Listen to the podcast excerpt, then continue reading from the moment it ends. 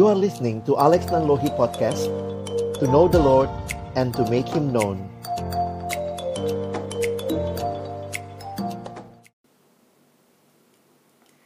Mari sebelum kita membaca merenungkan firman Tuhan, kita berdoa.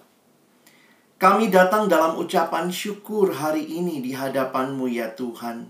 Terima kasih untuk karya terbesar yang boleh kami alami di dalam kehidupan kami. Kematian dan kebangkitan Kristus yang memberikan kepada kami kehidupan yang kekal. Terima kasih hari ini kami kembali boleh bersama-sama bersekutu, memuji memuliakan namamu ya Tuhan, dan tiba waktunya bagi kami untuk membuka firman-Mu. Kami mohon ya Tuhan, ketika kami membuka firman-Mu, bukalah juga hati kami. Jadikanlah hati kami seperti tanah yang baik, supaya ketika benih firman-Mu ditaburkan, itu boleh sungguh-sungguh berakar, bertumbuh, dan juga berbuah nyata di dalam hidup kami. Berkati hambamu yang menyampaikan, semua kami yang mendengar, Tuhan tolonglah, agar kami bukan hanya jadi pendengar-pendengar firman yang setia, tapi mampukan dengan kuasa, dengan pertolongan dari rohmu yang kudus, kami dimampukan menjadi pelaku-pelaku firmanmu di dalam kehidupan kami.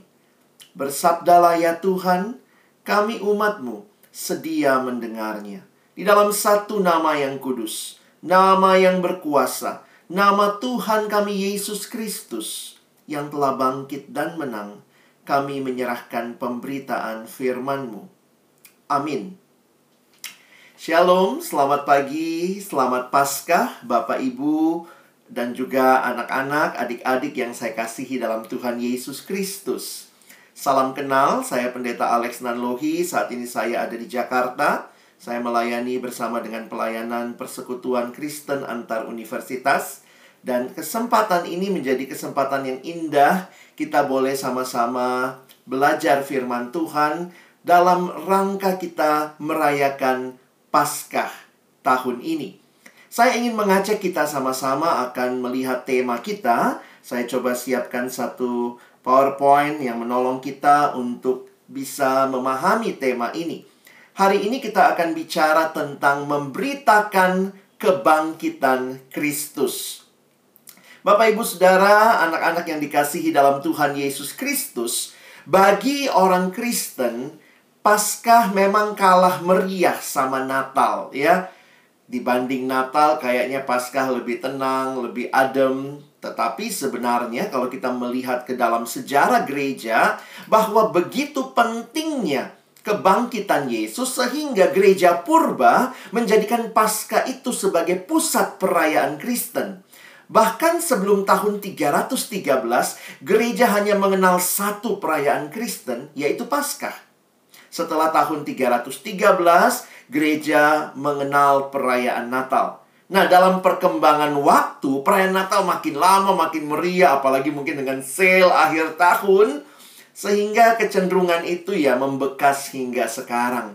Tetapi kalau kita perhatikan, sebenarnya di dalam menghayati seluruh rangkaian kehidupan Kristus. Seperti doa Pak Victor tadi ya. Bagaimana kita melihat dia yang datang, dia yang hidup, dia yang menderita, dia yang mati, dia yang bangkit, dia yang naik ke surga, dan dia yang janji akan datang kedua kalinya. Ini sebuah paket lengkap pribadi Kristus dan karyanya. Nah, karena itu, kiranya kita tidak kehilangan bahwa makna yang namanya Natal tidak terlepas dari Jumat Agung dan Paskah.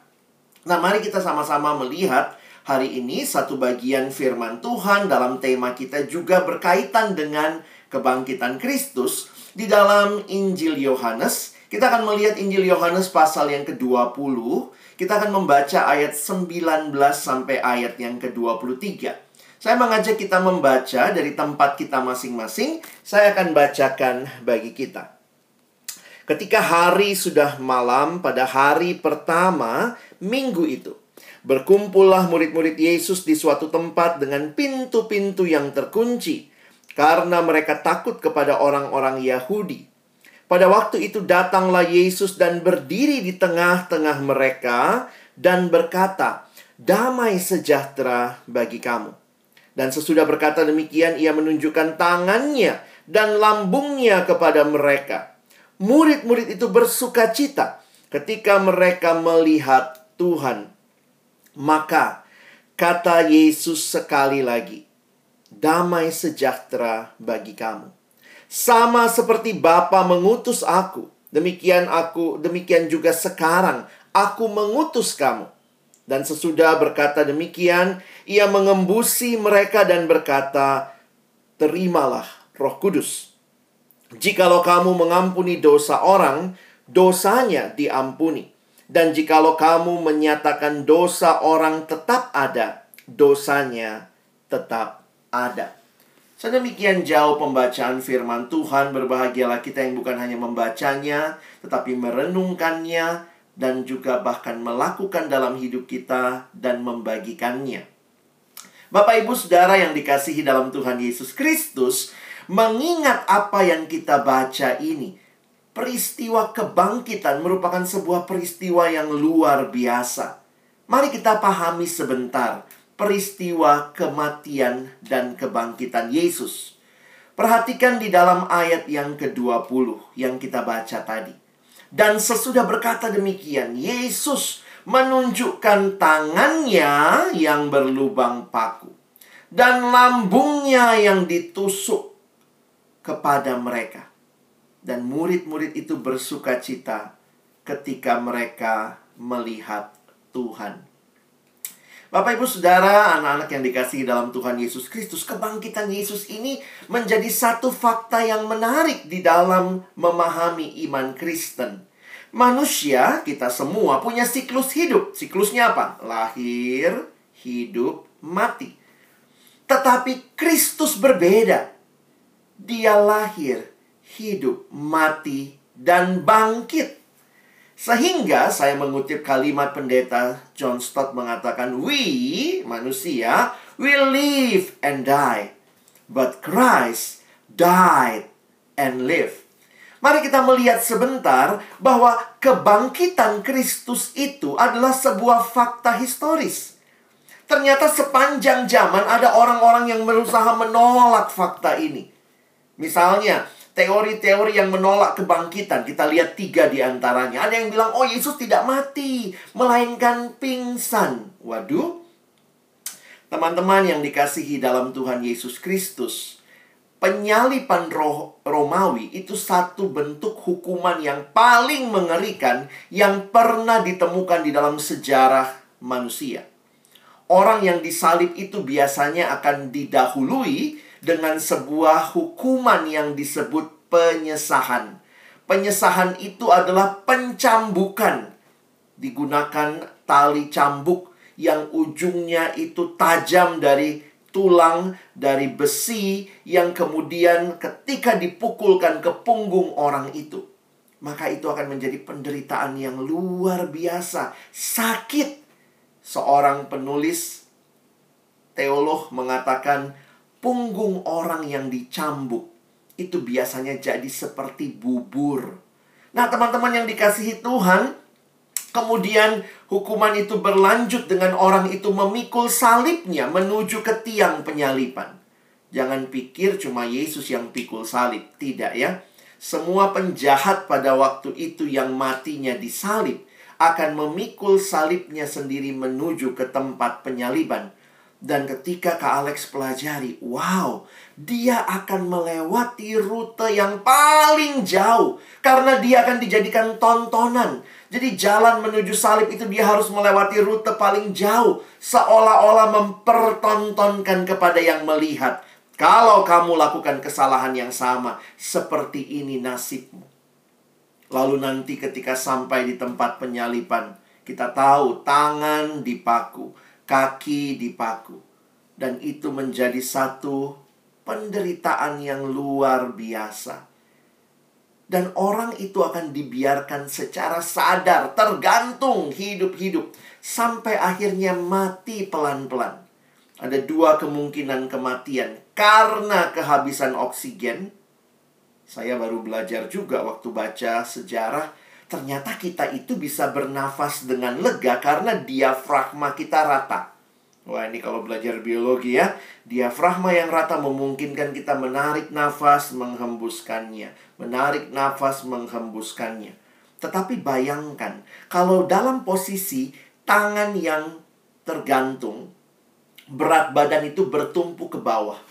Dalam situasi itu maka tidak mungkin bernafas dengan lega Karena itu orang yang disalib akan bertumpu pada paku itu, mendorong badannya ke atas untuk bisa hirup napas, lalu kemudian akan terjatuh lagi karena gaya gravitasi bumi. Naik, jatuh lagi. Begitulah setiap hembusan nafas itu adalah penderitaan yang sangat menyakitkan. Bayangkan, punggung yang sudah jadi bubur harus bergesekan dengan dengan kayu salib yang kasar. Karena itu, dalam tradisi penyaliban, untuk mempercepat kematian, biasanya kakinya dipatahkan. Karena kalau kakinya sudah patah, itu akan kesakitan luar biasa. Tidak mungkin mendorong badannya ke atas untuk tarik nafas. Sehingga terhukum akan mati pelan-pelan karena kesulitan bernafas tapi juga yang kedua karena darah yang terus-menerus mengucur dari tubuhnya. Kemudian kalau kita lihat Yesus tidak sempat dipatahkan kakinya dan kemudian dicek sudah mati atau belum ditusuk lambungnya. Dan ketika lambungnya ditusuk, Alkitab menuliskan keluarlah air dan darah. Di dalam biologi kalau sudah keluarnya air berpisah dengan darah itu berarti sudah mati. Kalau masih hidup, biasanya darah dan air itu bercampur. Nah, karena itu waktu menghayati hal ini, ini satu situasi yang tidak mudah. Tetapi inilah yang Tuhan alami. Sehingga kalau kita perhatikan, tidak mungkin Yesus pingsan. Kita tolak teori, oh Yesus nggak mati, dia cuma pingsan. Nggak mungkin. Kalau kita belajar firman Tuhan baik-baik, kita tahu sejarah tentang penyaliban. Tidak mungkin kita berkata itu mah palingan cuma pingsan. Ada lagi teori yang bilang apa? Oh, murid-muridnya curi jenazah Yesus. Please, gitu ya. Baca Alkitab. Kuburnya dijaga tentara Romawi. Itu tentara yang paling kejam. Tentara yang paling uh, punya disiplin pada masa itu dan jangan lupa kubur Yesus bahkan dimeterai. Nggak mungkin dicuri. Nah, yang terakhir ada yang bilang, oh perempuan itu datang ke kubur yang salah, makanya kuburnya kosong. Maaf, katanya perempuan kadang-kadang GPS-nya nggak nyala ya. Susah baca peta. Wah, perempuan ini datang ke kubur yang salah. Nah, kalau baca Alkitab, baca baik-baik. Perempuan-perempuan yang datang pada minggu Paskah mereka lah perempuan-perempuan yang sama, bukan cuma satu, beberapa perempuan. Mereka perempuan yang sama yang melihat di mana jenazah Yesus dibaringkan. Tidak mungkin salah kubur. Jadi, kalau kita membayangkan bahwa kenapa kita perlu menghayati tentang kematian Kristus yang luar biasa ini, kita harus meyakini Yesus sungguh-sungguh mati. Karena apa? Kalau dia tidak sungguh-sungguh mati, maka dia tidak pernah sungguh-sungguh hidup. Yesus itu bangkit, teman-teman, dari kematian. Kalau kita bilang dia cuma pingsan, itu berarti kalau pingsan, Yesus kemudian waktu bangun, itu namanya siuman, bukan bangkit. Kita tidak merayakan siumannya Yesus. Ini bukan perayaan perayaan siuman Yesus sekolah lentera harapan. Tidak. Kita merayakan kebangkitan Kristus karena dia yang mati itu. Dia sungguh-sungguh bangkit. Perhatikan kalimat malaikat. Jangan takut. Kamu mencari Yesus. Orang Nazaret. Spesifik ya. Nama Yesus bukan cuma satu orang nama Yesus pada masa itu. Kamu mencari Yesus. Yesus yang mana? Orang Nazaret yang matinya kenapa? Yang disalibkan itu. Ia telah bangkit. Ia tidak ada di sini. Lihat, inilah tempat mereka membaringkan dia. Luar biasa. Apa yang terjadi? Yesus yang mati, dia yang bangkit. Mengapa disebut Jumat Agung padahal ada yang mati di situ? Jumat itu dikatakan Jumat yang agung hanya karena ada Minggu Paskah Karena kalau tidak ada Minggu Paskah itu bukan Jumat yang agung, itu Jumat paling sial sepanjang sejarah. Ada yang mati, disalib dan tidak pernah bangkit. Tetapi salib itu punya makna. Karena ada kebangkitan. Tanpa kebangkitan salib yang terjadi tidak ada maknanya. Karena itu kita bersyukur.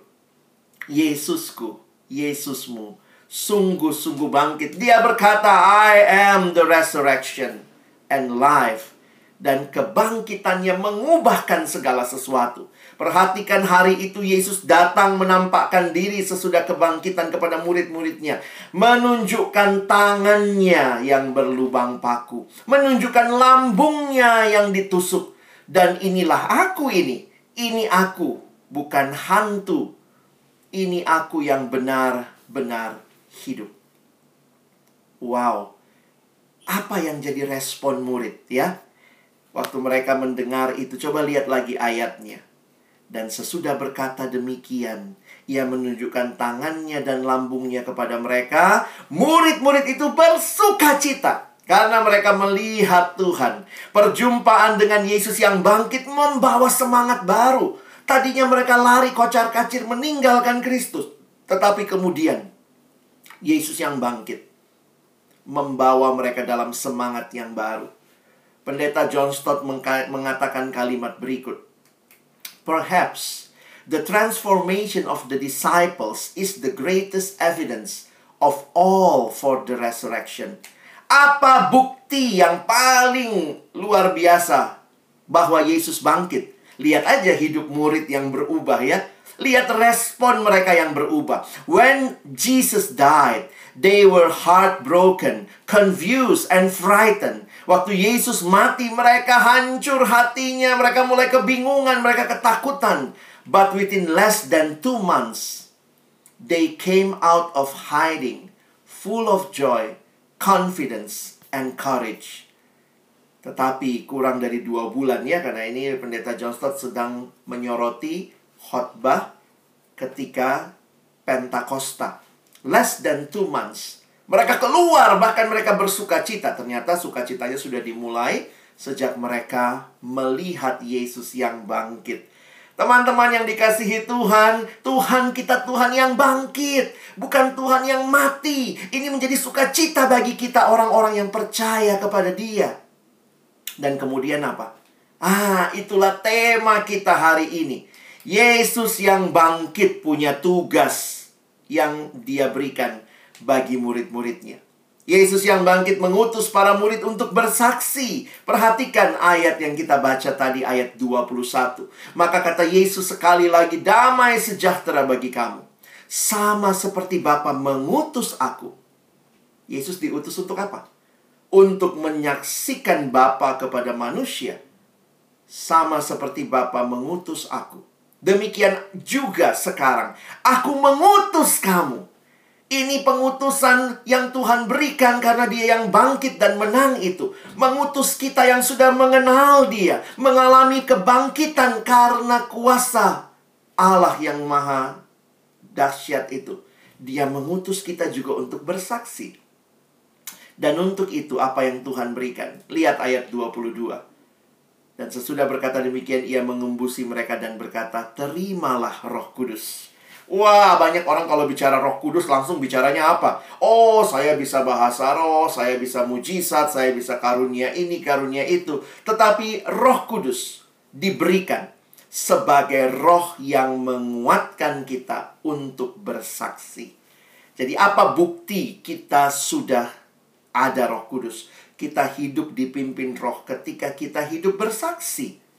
Jadi saya sungguh senang ketika melihat ketika Yesus mengutus muridnya, dia memberikan mereka roh kudus sebagai kekuatan, jaminan untuk mereka menjadi apa?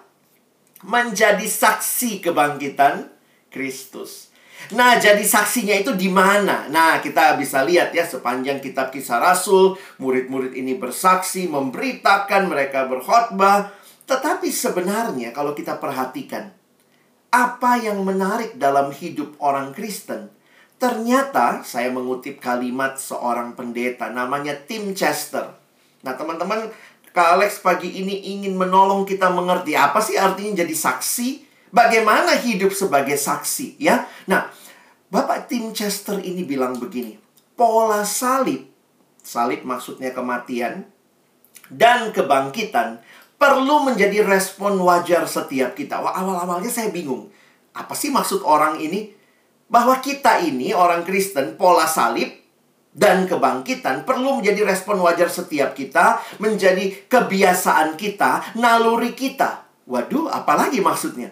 Kita perlu menghidupi salib dan kebangkitan. Sekali lagi, salib berarti kematian, kebangkitan ya kehidupan. Nah, waktu Kalex perhatikan ayat ini apa maksudnya? Kalau saya menjadi saksi, maka saya menjadi saksi Yesus yang mati dan bangkit. Nah, bagaimana saya menjadi saksi? saya makin ngerti ketika baca kitab Roma. Nah, kita lihat ya. Di kitab Roma pasal 6, perhatikan ayatnya. Di ayat ini kita ketemu Yesus yang mati dan Yesus yang bangkit. Ayo kita baca ya. Karena kita tahu bahwa Kristus sesudah ia bangkit dari antara orang mati, berarti Yesusnya kan mati ya, lalu bangkit, tidak mati lagi, maut tidak berkuasa atas dia. Sebab kematiannya itulah salib tadi ya, sebab kematiannya adalah kematian terhadap dosa dan satu kali dan untuk selama-lamanya dan kehidupannya adalah kehidupan bagi Allah. Perhatikan polanya ya. Salib mati. Tetapi waktu salib mati, Yesus bagaimana? Dia mati, tetapi lihat Paulus memberikan makna. Yesus mati terhadap dosa kematiannya adalah kematian terhadap dosa. Yang kedua, Yesus hidup. Polanya salib, kebangkitan. Yesus hidup. Dan kehidupannya, karena dia bangkit, makanya hidup kan. Dia nggak mati lagi. Karena dia bangkit, sekarang dia hidup. Nah, hidupnya itu adalah hidup apa? Kehidupan, kehidupannya adalah kehidupan bagi Allah. Jadi pola ini harusnya jadi pola kita. Dengar kalimat Bapak Tim Chester tadi ya mati, bangkit. Siapa yang mati? Yesus mati. Siapa yang bangkit? Yesus bangkit. Tetapi, nah sekarang kita lihat ya. Ketika Roma 6 ayat 11. Ini kan ayat 9 dan 10 bicara kematian Yesus, kebangkitan Yesus. Perhatikan ayat 11. Lanjutannya Paulus bilang begini. Demikianlah hendaknya kamu Berarti orang yang baca kitab Roma, kita juga pagi ini baca kitab Roma. Demikianlah hendaknya kamu memandangnya bahwa kamu telah mati bagi dosa, tetapi kamu hidup bagi Allah dalam Kristus Yesus. Oh, ini maksudnya pendeta Tim Chester tadi.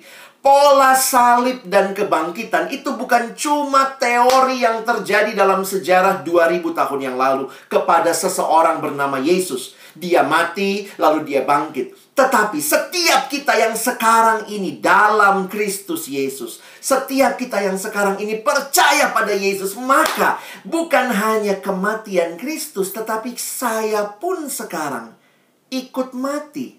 Matinya apa? Mati bagi dosa, dan Yesusku hidup, maka saya juga yang percaya padanya. Saya sekarang bangkit, saya hidup bagi Allah. Hebat ya. Luar biasa karya kebangkitan Kristus. Kematian dan kebangkitannya bukan hanya fakta sejarah, tetapi sebuah pengalaman iman setiap kita. Perhatikan kalimat pendeta John Stott. God who raised Jesus from physical death can raise us from spiritual death and make us new people in Christ. Allah yang membangkitkan Yesus dari kematian jasmani dapat membangkitkan kita dari kematian rohani dan menjadikan kita a new people in Christ. Manusia baru. Makanya teman-temanku bahwa apa artinya menjadi saksi kamu punya hidup seperti yang Yesus sudah kasih, yaitu hidup yang apa? Hidup yang baru. Hidup yang baru yang Tuhan berikan kepada kita. Kekristenan bukan adalah bukanlah hidup lama lalu kita tambel tambel tambel tambel dari luar, tidak, bukan ditambal, bukan ditambahkan, tetapi benar-benar baru. Pendeta Timothy Keller mengatakan kalimat yang menarik. Christianity is not about being nice. It's about being new. We are talking about new life.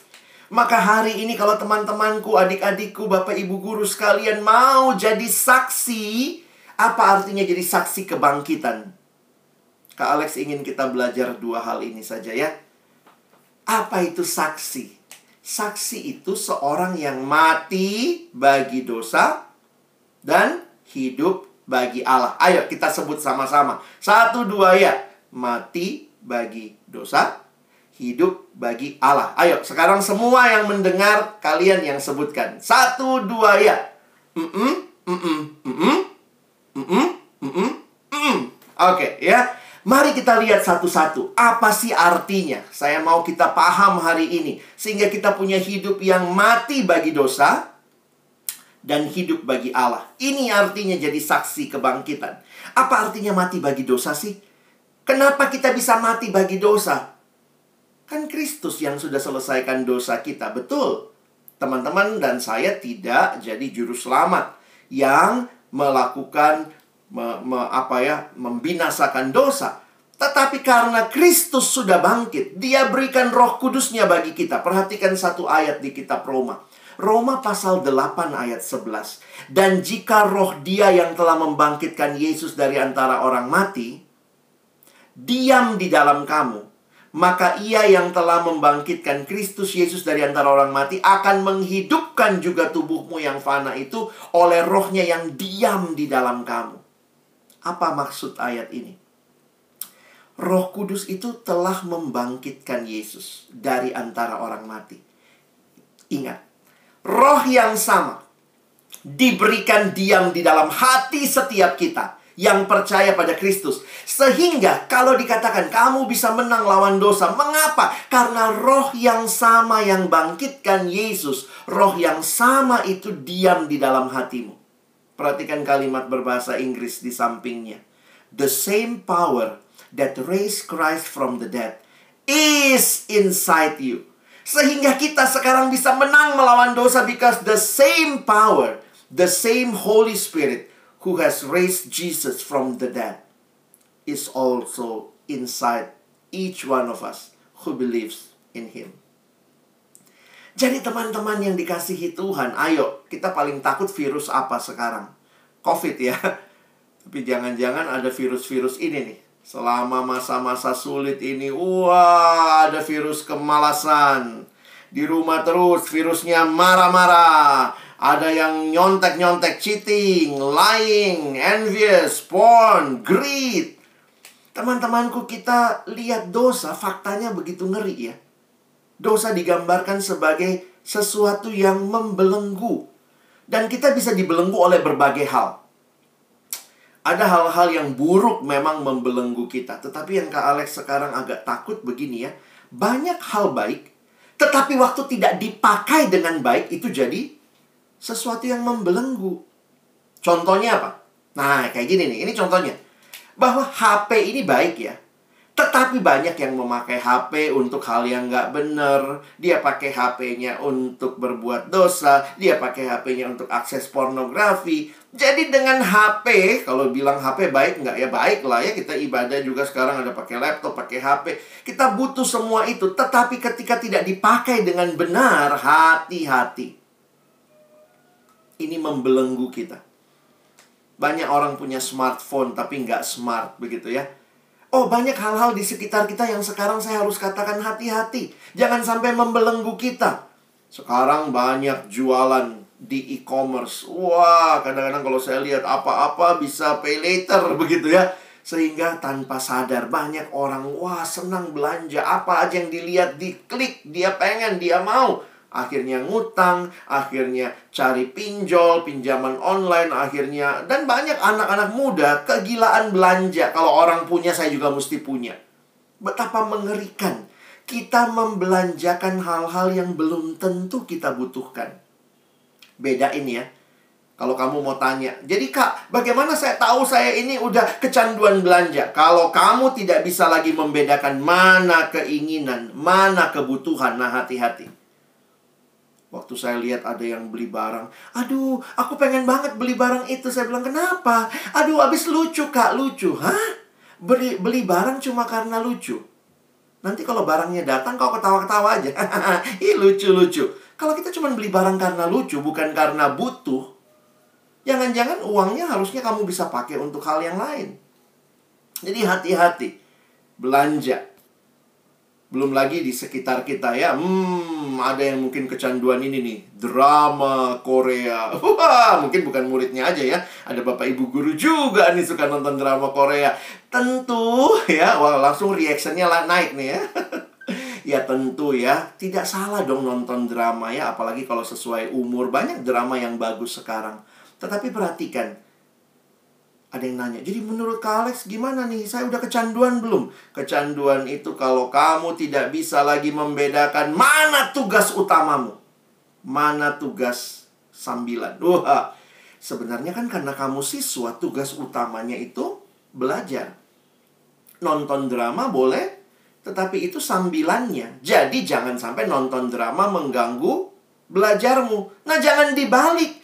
Oh, tugas utama saya nonton drama maka belajar tidak boleh mengganggu nonton drama. Bahaya teman-teman, bukan itu. Belum lagi dengan segala macam ya, ya ini boleh didengar, boleh dilihat ya. Ini tanpa kita suruh juga kalian udah lihat ya.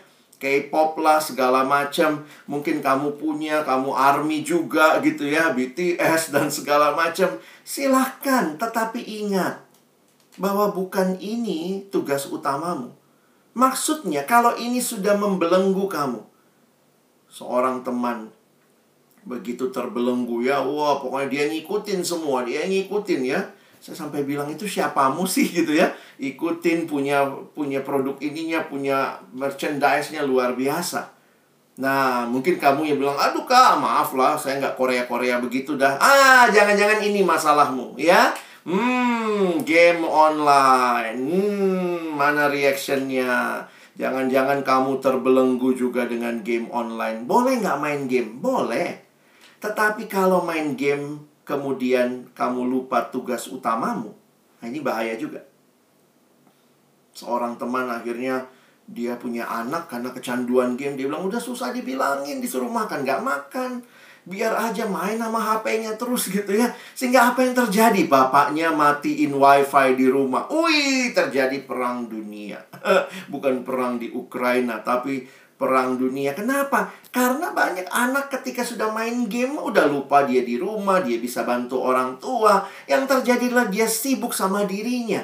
Teman-teman ingat, ini hal-hal baik, tapi bisa me membelenggu kamu nonton ya ya banyak yang suka nonton anim juga ya silahkan tapi yang tentunya yang baik ya jangan kemudian ini membelenggu kamu belum lagi yang memang jelas-jelas nggak benar ya banyak anak remaja sekarang tidak laki-laki tidak perempuan kecanduan pornografi dan ini begitu menyedihkan Nah, apa berita baiknya? Mati bagi dosa. Yesus yang bangkit membuat kita mati bagi dosa. Kenapa?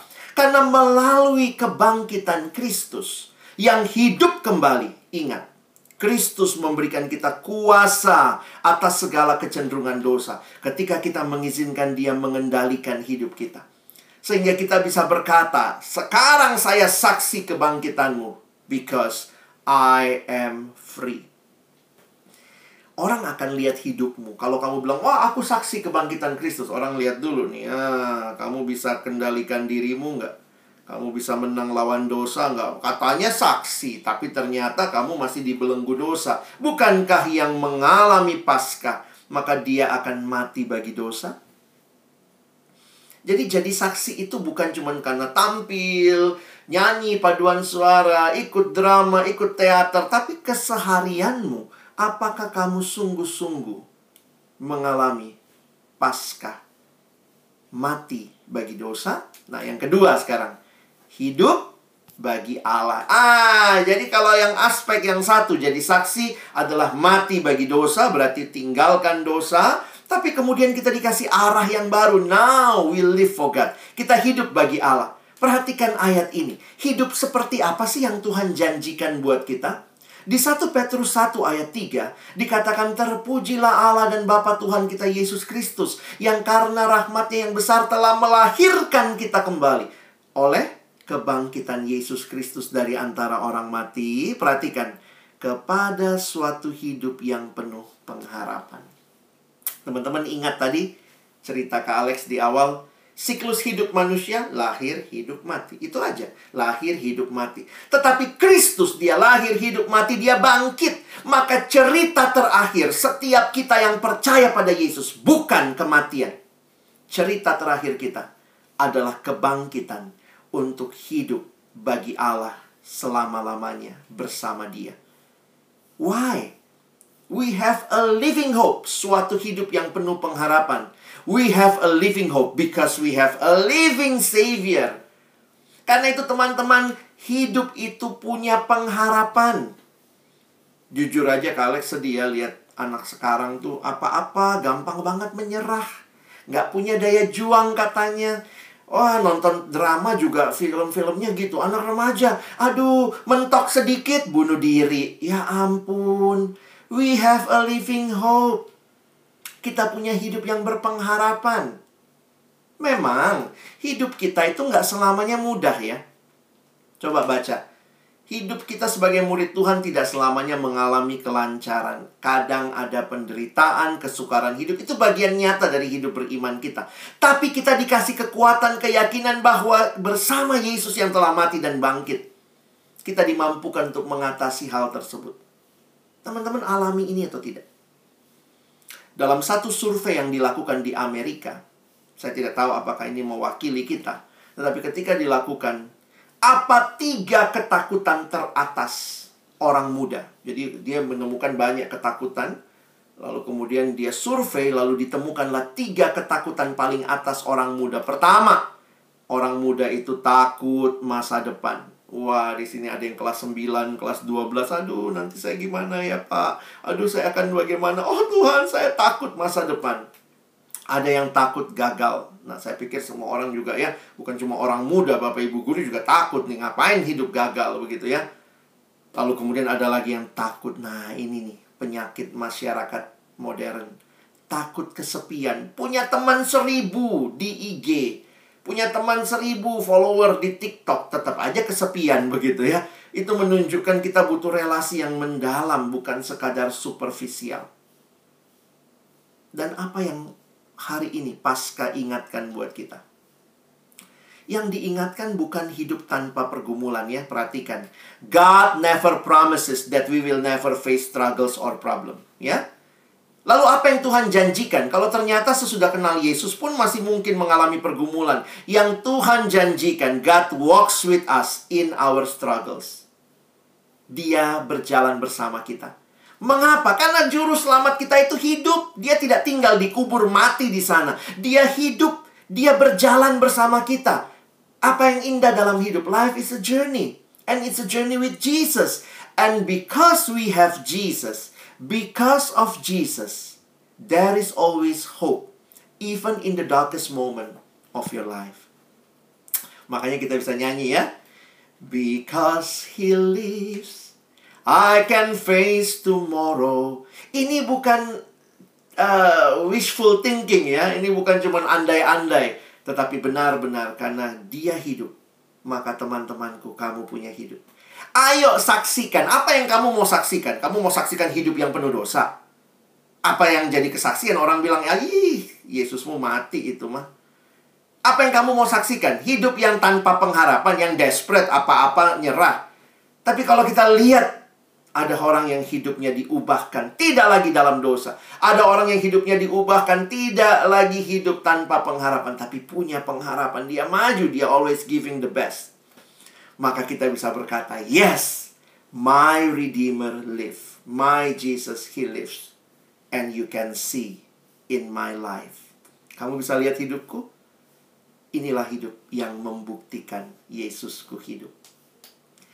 Maka respon kita harusnya seperti apa ya? Sebagai penutup, Kak Alex ingin ajak kita sama-sama melihat sebuah kalimat yang menarik dari seorang pendeta berkata, Yesus bangkit menjadi pengharapan terbesar bagi kita. juga membuat kita beda dengan semua agama lain. Pendiri agama-agama lain masih ada dalam kuburnya. Tulangnya paling tidak masih ada ya. Disakralkan kuburannya, kuburannya dijadikan museum yang terbesar, tapi ingat kuburannya masih terisi. Karena kubur mereka masih terisi, maka pengikutnya hidup dalam kekosongan. Tetapi Yesus, karena kuburan Yesus kosong, maka hidup dari pengikut-pengikutnya terisi. Karena dia sudah keluar dari kubur, sehingga dia bisa berada di dalam hati kita. Puji Tuhan, luar biasa. Kenapa sekolah kita punya semboyan ini? Christ we proclaim. Karena kita mengalami Yesus yang bangkit. Kita mau jadi saksi setelah Paskah. Jangan sebelum Paskah malas, sesudah Paskah tambah malas. Itu nggak ngalamin ke ini ya kebangkitan Kristus. Christ we proclaim. Kita mau hidup beda dengan dunia. Dare to be different. Teman-teman tahu ikan, ikan itu katanya seumur hidup berenang melawan arus. Alex baru ngas juga, iya juga ya. Ikan yang matilah yang ikut arus. Ikan yang hidup selalu melawan arus. Karena dia punya daya juang. Maka ingat baik-baik.